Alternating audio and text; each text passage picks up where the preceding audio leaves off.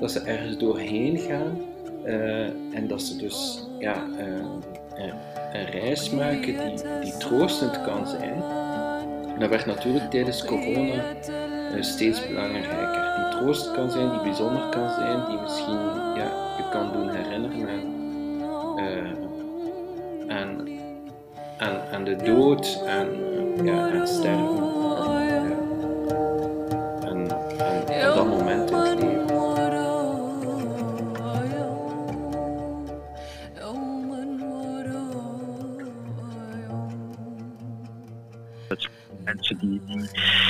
Maar, als je huis en haat moet verlaten, dan, dan eh, dat, dat zijn er gelukkig niet, niet, niet, eh, niet op de hele wereld, maar nog steeds vele malen te vele mensen die dat, die dat, die dat moeten ondergaan. Ja. En dan maar moeten afwachten of ze zeg maar, aan, aan de andere kant, zeg maar, zogenaamd aan de kant waar het beter is, moeten die maar afwachten of die, of die dan eh, zeg maar, omarmd worden letterlijk. Als ik je vind, wil ik dat je me kust. Ik wil je omhelzen. Voor de rest van mijn dagen. Liageri zaman en dagen. Zaman en dagen. Zaman en dagen.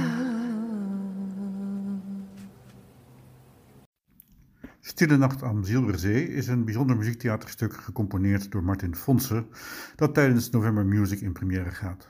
Voor deze podcast sprak ik met de twee schrijvers van het libretto, Joachim Robrecht en Artoon Alaska Arasdi, en met regisseur en artistiek leider Romain Bischoff.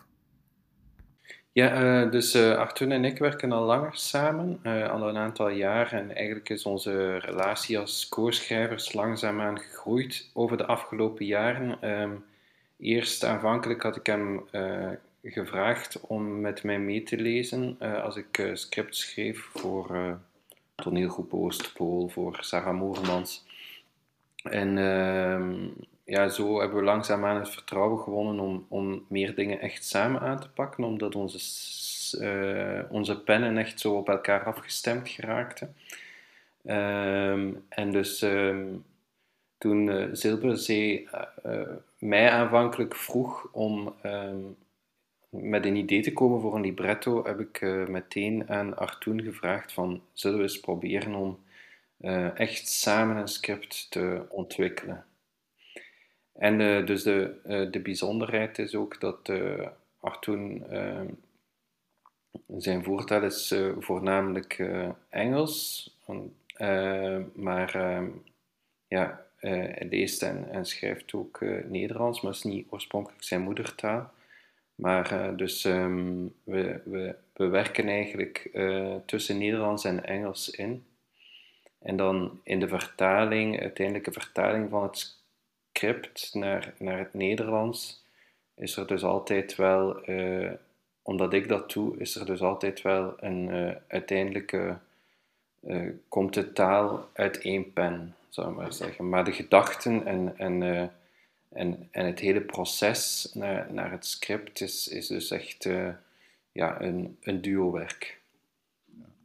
De voorstelling, het stuk is, is gemaakt op basis van Le Bateau Ivre. Eh, een een, een eh, gedicht uit de vorige eeuw, volgens mij, uit de, uit de 19e eeuw, denk ik.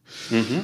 Ehm, wat, wat, wat- hoe ga je zoiets te werk om een stuk te maken? Want het is eigenlijk een, een, een terugblik op eh, de coronaperiode, als ik het even zo heel bout mag zeggen. Is dat, is, dat, is dat te bout gezegd?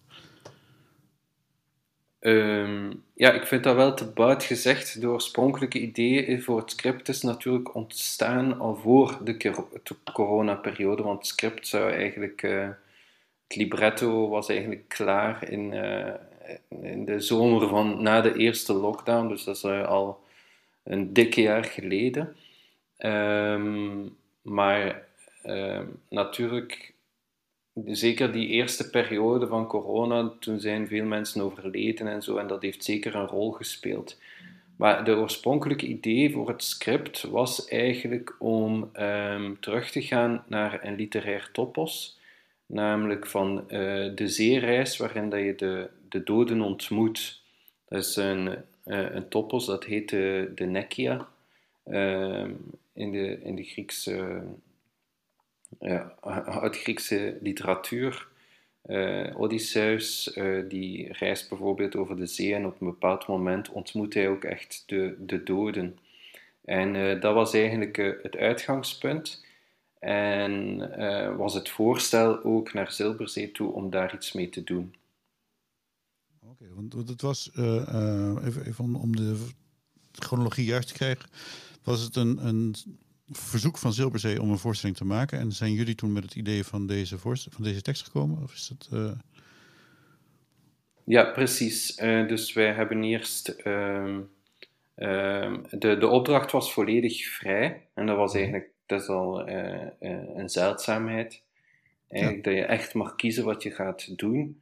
En bij, bij mij lag al heel lang het verlangen om iets te doen. Um, rond de zee. En uh, rond de zee en, en, en dus dat uh, fenomeen van de nekja, waarin dat je dus ja, op zee um, de doden treft, uh, of, of um, ja, de dood aantreft. Ik, um, ik vond dat een interessant, een interessant gegeven.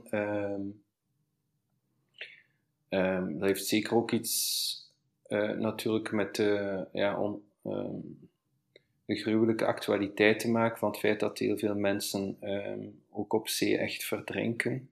Maar het heeft ook veel te maken, en dat is misschien in zekere zin ook uh, pervers misschien of zo, maar het heeft ook te maken met, uh, met, uh, met, ja, met het gegeven dat ik de zee vooral ken vanuit de literatuur eigenlijk. En dus dat elke, elke keer als ik naar een strand ga, uh, is het nu in Scheveningen of, uh, of in de buurt van Den Helder, dan, dan zie ik de zee eigenlijk vooral door, door, uh, doorheen de filter van de vele teksten die, die over de zee zijn geschreven. -hmm. Dat is wel erg mooi. Een van de dingen die mij opviel, toen, want de tekst is online te lezen.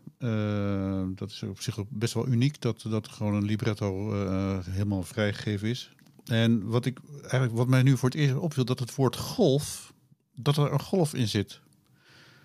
Ja, is jou dat ook opgevallen? ik denk, denk dat daarom is het eigenlijk des te leuker dat die tekst online uh, uh, te lezen. Omdat de, ja, de, ja, je gebruikt golf, golf, golf, golf. En als je dat opschrijft met een gedrukte letter, dan gaat dat golven.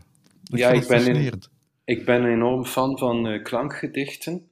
En ehm, ja, die vertalen zich ook heel mooi natuurlijk naar papier. Um, Ernst Jandl is bijvoorbeeld is een uh, fantastisch voorbeeld van een, van een uh, klankendichter die tussen papier en, en, en klank uh, ja, dat soort uh, dingen vindt. En inderdaad, ik begon ook dus eigenlijk alleen maar de klank van golf op papier te zetten. En dan merk je, als je met de hoofdletter G begint, dan via de O en naar de L uh, dat je inderdaad op een bepaald moment een, golfbeweging krijgt die zich typografisch vertaalt. En dat is natuurlijk, ja, dat is geweldig.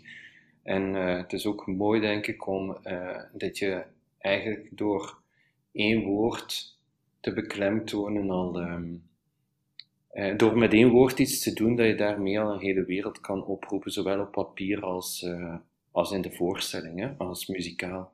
Ja, want volgens mij, als, als, als je als muzikant dat leest of als acteur dat leest, dan, dan ga je ook direct heel anders bij voelen. Ik vind dat wel, lijkt mij. heb je dat ook gemerkt? Heb je dat teruggekregen van de makers? Um, ja, natuurlijk. Ja, uh, we, het is natuurlijk heel raar om, wat de passage waar dat je het over hebt, is, is het begin van, van is redelijk in het begin van de voorstelling. Is het begin van eigenlijk uh, een meditatief landschap dat zich langzaamaan ontplooit doorheen de tekst.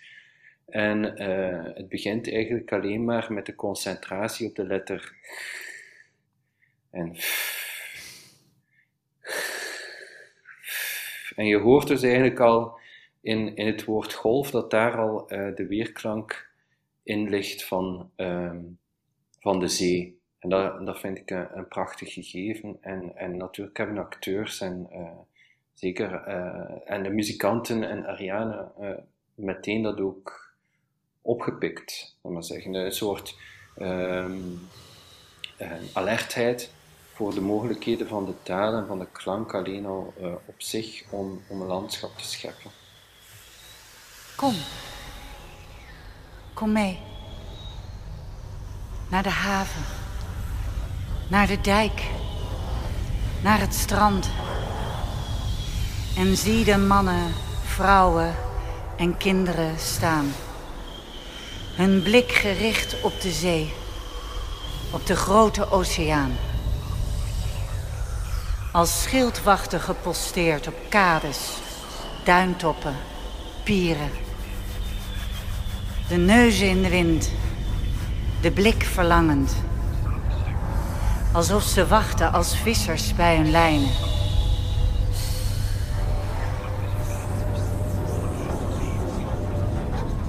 Wat bezielt ze?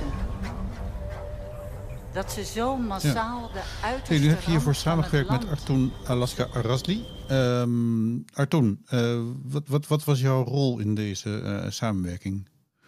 Um, ik denk voor deze keer, normaal gesproken werken we eigenlijk in twee uh, andere staden. De, want Joachim woont in Brussel. Maar de, voor deze keer, ik denk dat ik was heel veel in Brussel. Dus we hebben wel samengezeten op één computer en wel samengeschreven. Die gesprekken voor deze project was begonnen al uh, uh, voor corona, denk ik. Maar ik was wel in de Amerika in die tijd. Dus ik ben wel teruggegaan en in Brussel. Um, we, ja, ik ben wel die co-auteur van deze project. Dus um, ik herinner me niet echt goed wat, wat de, de normaal gesproken, ik schrijf in deel en Joachim ook wel. Dus werken we samen in die, deze manier, maar um, voor deze project, mijn rol was uh, gewoon, ja, ik weet niet, samen schrijven met Joachim. Nou, eh, samen schrijven vind ik best wel, het is, best wel ingewikkeld volgens mij. Tenminste, ik, ik moet niet aan denken dat mensen samen aan mijn stukjes gaan schrijven. um, we vinden het wel eh, vooral makkelijk, denk ik. En dat, daarom werkt het zo goed. Dat, uh, we, we, meestal praten in, in over wat we gaan doen en dan dat gaan we doen die dag. En uh, we proberen om het van andere um, perspectieven te pakken en dan we hebben wel een gesprek in het eind van de dag over wat we gedaan hebben. Dus ik denk dat ook voor ons gaat het vaak om het uitwisselen van referenties. Bijvoorbeeld, hè, eh, er zitten referenties in het script naar, uh, de, naar de Odysseus, naar de, maar ook naar Titanic, naar Casablanca, naar Slauerhof, naar Italo Calvino, naar Laudriamont. Um, dus wij... dat is een ehm, hele boekenkast. een hele boekenkast, inderdaad. En dat was ook... ja, dus de, uit de hoge cultuur, uit de lage cultuur er staat ook op een bepaald moment in het script: uh, de zee lijkt op een, een, blauwe pizza met stukjes mozzarella op. Um, dus er zijn echt heel veel verschillende uh, referenties. En dus ons gesprek is vaak tussen Artoen en mij, is echt, gaat heel vaak over, over, over die referenties. En uh, je creëert een soort van ehm, planeet met elkaar, een soort van bubbel waar dat je samen in zit en van waaruit je schrijft. En dan, ja, um, schrijven is ook gestructureerd. Dus je zegt van oké, we gaan, uh, we hebben bijvoorbeeld een passage in het script waarin, waarin, uh, waarin dat we dus een zeereis eigenlijk imi imiteren, of de, het gevoel van een, een zeereis oproepen. En die gaat eigenlijk, die begint met één dag op zee en dan wordt er eigenlijk in twee zinnen of in twee uh, uh, versen gezegd wat dat er op die dag wordt beleefd. En dan is het twee dagen op zee, drie dagen op zee, vier dagen op zee. Dus ja, dan heb je een, een soort grondstructuur en binnen die grondstructuur eh, doen wij alle twee voorstellen van wat dat er dan eh, op die dag op zee gaat gebeuren in die twee versen. Dus zo is het toch wel heel makkelijk om met elkaar te schrijven, want we kunnen dan eigenlijk met een heleboel voorstellen eh, komen. En eh, zoals gezegd, ehm, ehm, is, is dus in eerste instantie, in de eerste fase van ons script, is het, is het niet belangrijk dat dat in het Nederlands of in het Engels is. Dus wij schrijven eigenlijk eerst inhoudelijk, maar ook wel tijd met een soort, eh, ja, met een soort gevoel, met een poëzie voor, eh, Als ik stil met een gevoel voor poëzie, schrijven een eerste Hoeveel van eh, wat ik nu ben zal bij aankomst versie, van mij dan in overblijven? de vertaling worden dingen Drie dagen eh, op zee. eh, aangepast. Ik bid op het dek en mijn woorden zwalpen op het ritme van de golven. Vier dagen op zee. Zoutkristallen kleven in mijn wimpers. Vijf dagen op zee. De zee is een blauwe pizza met stukjes mozzarella erop. Zes dagen op zee. De zeewind doet me duizelen als een nieuwe liefde. Zeven dagen op zee. Ik val in slaap terwijl ik de sterren tel. Kijk naar de constellaties. Die vijf sterren daar. De contouren van een haven waar Eh, ik nooit ben Want, geweest. ik bedoel, ik denk ook Die in de muziek van, van daar. eh, Silver Zee is natuurlijk heel veel op een dag eh, mijn eh, vrienden zal verwijzingen noemen. eh, Die tien sterren daar. naar, naar eh, grote componisten. eh, En en en, en, die, die gelaagdheid, is, is dat iets waardoor je ook hebt laten inspireren vanuit Silberzee? Of was dat gewoon echt iets wat je helemaal zelf al, al, al associërend bij elkaar eh, eh, ehm, bracht? Wil jij daarop antwoorden, Arthur?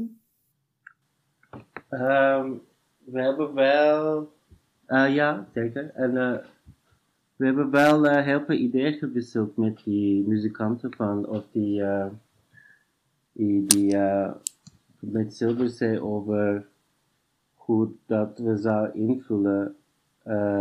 Dus ik, ik zou zeggen dat het wel een, een, een, een eh, wel gebalanceerd proces was. Is dat een goed antwoord? Nou, ik vind dat best een goed antwoord. Ja, we hebben natuurlijk, ehm, ja, we hebben zeker ook wel muzikaal eh, wat input gekregen, ook van eh, Martin op een bepaald moment, toen dat we zo de eerste outline hadden geschreven voor, eh, voor het script en een aantal frases. Eh, maar we hebben dat niet helemaal, het is niet zo dat, dat ons helemaal ehm, bewust zijn wat dat de referenties zijn in de muziek. Dus we hadden zelf eigenlijk al eh, als eerste insteek om heel veel literaire referenties en veel meer dan dat we in een ander script doen te gebruiken.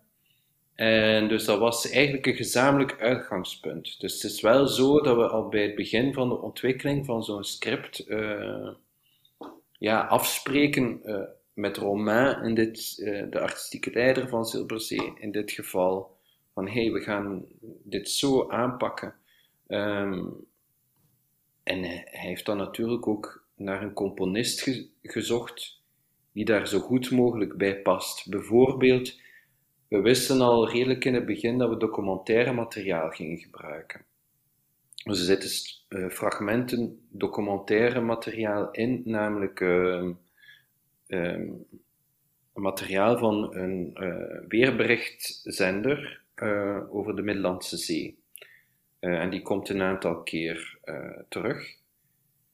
En dus wij wisten, en Martin weet heel goed hoe hij daarop reageert, hoe hij daar moet mee omgaan met dat materiaal. En dat is wel echt specifiek iets eh, voor hem om te gebruiken.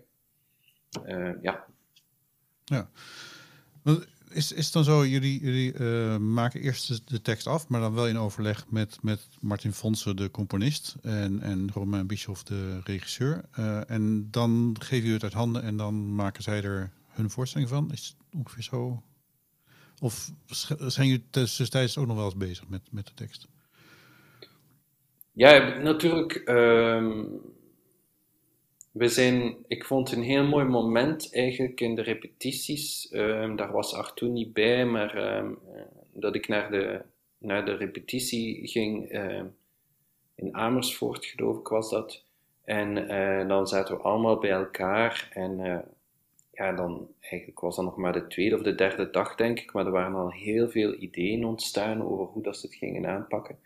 En dan heeft Ariane het hele script doorgelezen en heb ik heel veel materiaal gehoord van de, van de muziek. En ook hoe, Romain daarop uh, reageerde. En dan hebben we echt wel uitgewisseld over waar dat het misschien, waar dat er iets kon wegge weggenomen worden uit het script, uh, waar iets, uh, waar ik een andere um, melodie in het achterhoofd had, um, of uh, een ander idee over hoe dat, dat zou kunnen uitgevoerd worden. En, en dus dat was echt wel, ja, dat was, een, dat was maar één dag, maar dat was echt super productief. En ik heb wel het gevoel dat dat, uh, dat het in zekere zin wel een organisch proces was. Omdat, ja, we hebben een, dus een eerste versie van het script gestuurd, of van een deel van het script. Martin heeft erop gereageerd, ons dat teruggegeven. We hebben dan verder geschreven, eigenlijk geïnspireerd door dat. En dan uh, zijn we nog een keer met, dus met die hele groep in die repetities samengekomen. En dan zijn er... Uh, ja, zijn er prachtige. Uh, ja, dan heb je zo'n moment dat je voelt dat uh, libretto tot leven komt in de muziek. Met de muzikanten die ja, daar in volle concentratie, als een soort muses, de, de, de libretto attackeren en dan ja, dat helemaal ontvouwen. En dan heb je daar weer gesprek over en zo komt het wel tot een, tot een geheel. Ik vraag aan Romain Bischoff hoe hij dat voor elkaar krijgt. Dat speciale familiegevoel tijdens de repetities en tijdens de voorstellingen, wat hij en Zilberzee teweeg brengt. Elke productie, uh, zoals, uh, weet je, zoals je samen met een familie een soort van bruiloftsfeest uh, organiseert, weet je, dat mm -hmm. doe je ook vaak met, met, de, met meerdere familieleden, het liefst zoveel mogelijk. zo probeer ik eigenlijk elke productie tot stand te laten komen. Ja. Waarbij ik dan hoop, zeg maar, dat 1, 1 plus 1 veel meer is dan 2, zeg maar. Waardoor je eigenlijk dan in een overtreffende trap hoopt te komen. Iets van, nou ja, dat had de ene of de andere alleen never en nooit kunnen bedenken. Ja. Uh, waardoor eigenlijk ook de, de, de, het, het uh, ja, wat er dan gaat ontstaan, dat wordt dan zo ontzettend gedragen. Iedereen voelt zich even, hoe noem je het, even betrokken bij, bij het hele. Zelfs Ariane Schluter, zeg maar, die heeft ook, op, terwijl zij actrice is, is er, hè, actrice, ja, ja, ja, ook actrice, ook textueel heeft zij zeg maar invloed gehad op, op, op, uh, op, op, de, op de voorstelling. Uh, maar ook qua zang, ook zij is, is, is gaan meezingen. dus wat dat betreft is het echt een, een soort van, ja, een familiegebeuren. Ja. Een klein familiegebeuren. Dus misschien, misschien een hele rare vraag, maar hoe doe je dat? Want het is best wel, iedereen wil dit, wat jij vertelt. Misschien wel. Iedereen, hoe, hoe, iedereen, iedereen wil zo'n proces wel, maar hoe, hoe krijg je het voor elkaar? Hoe, hoe doe je dat? Uh, ja, daar heel, daar, daar, daar, daar heel open over spreken, dat dat, dat, dat de wens is. Dat ze, en dat begint natuurlijk met, met de, ik weet nog, Martin, een paar jaar geleden, met hem daarover sprak. Maar ik weet natuurlijk dat Martin, die komt sowieso uit de jazzhoek. Dus daar is het eigenlijk uh, zeg maar vrij, vrij logisch dat, je dat, dat, dat, dat iedereen uh, uh, mee, zeg maar. maar er zijn niet altijd jazzcomponisten betrokken bij de producties. en nou ja, dan, daar begint het eerste gesprek mee. Dat is dat, ik, de componist allereerst. Het gaat natuurlijk ook om, om, om welk, welk welke componist kies je daarvoor uit? Want sommige, daar, daar weet je van, ja, dat zijn, die, die, die, die, die willen alleen maar hun, hun eigen, helemaal hun eigen creatieproces in een eentje maken. En uh, ja, die zullen zich ook niet hier zo snel aan, aan overgeven. Maar ik spreek daar open over, zeg maar, dat dat mijn wens is. Uh, zodat, zodat die betrokkenheid van iedereen heel groot wordt. En waardoor het ook het, het, het, resultaat uiteindelijk toch iets is wat ze zelf in een eentje nooit hebben kunnen bedanken en bedenken. En waardoor het ook eigenlijk, uh, weet je, de, kracht zit er ook in als de mensen, de performers, zeg maar, mee kunnen gaan bouwen, zeg maar. Veilen, uh, schuren, et cetera. weet je, alleen maar door wrijving komt er glans, hè. wat ook, het gaat niet altijd even soepel hoor, dus heb je ook wel een idee van een performer die dan helemaal niet past bij de, ik noem het nu maar even de hoofdcomponist. ja, en dan schuurt het soms. Maar het mooie ervan is dat het dat de, de kracht van de performer helemaal tot, tot, tot, zo noem tot, tot volle bloei kan komen. Dat je, dat, want elk personage is natuurlijk wat dat betreft, elke performer is gewoon helemaal uniek eigenlijk. Dus eigenlijk is niet één performer in principe niet vervangbaar door een, door een ander. En daar zit een grote kracht in. En hoe krijg je het voor elkaar? Ja, dat ga je dus door door in, in, in stapsgewijs uh, aan het werk te gaan, zeg maar, in zo'n proces. We gaan ook nooit, we maken nooit iets in, in één periode. Dat gaat bij ons altijd een beetje zoals een wijn, weet je, die moet rijpen. Uh, nou ja, de druiven worden geplukt. Uh, nou, dat wordt dus, nou, je, dat proces, dat, dat, dat ga jullie uit de doeken doen, ik ben geen wijnexpert, maar we weten allemaal dat, dat, dat daar dus meerdere fases aan, aan voorbij gaan zo exact hetzelfde doen wij ook, zeg maar, de producties. Die gebeuren altijd in meerdere fases met de performers op de vloer. Het is nooit een componist die aankomt en uh, jongens, hier is mijn partituur en nu gaan we repeteren en over twee weken is de uitvoering. Zo gebeurt het nooit bij ons. Nee. Nooit. Er zit altijd een, een, een overloop van zo'n jaar in, van, vanaf de eerste noten op de vloer tot aan uh, de première. Ja. Voor Stille Nacht am Zilberzee was het werk van Arvo Pert een inspiratiebron. Robin Bischoff legt uit wat dat betekent. In Shakespeare, weet je, die wordt ook nooit meer uitgevoerd uh, zoals het, we weten natuurlijk niet helemaal hoe het toen uitgevoerd werd, maar acteurswereld gaat heel makkelijk om met die tekst, zeg maar, van Shakespeare. En daar wordt wat veranderd en uh, wordt naar het hier en nu getrokken. Ja. En in de klassieke muziek is dat, is dat een beetje. Uh, doodzonde, toch? Dus, dat is, ik, ik, ken, ik ken Facebookgroepen waar daar heel erg uh, woedend over gedaan wordt. Inderdaad.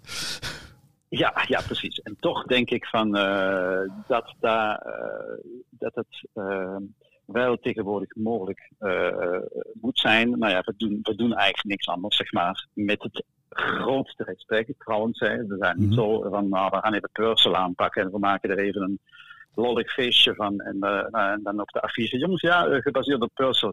Dat gebeurt ons nooit. Het is altijd in de geest van de componist. Als wij iets gaan aanpakken uit, uit, uit vroegere tijden, zeg maar. Maar dan halen we het eigenlijk naar het hier en nu. Alsof Purcell bijvoorbeeld, of Mozart, dat hebben we twee jaar geleden gedaan met de toverfluit van Mozart. Alsof Mozart nu terug in deze tijd zou komen. Hoe zou die het dan aanpakken?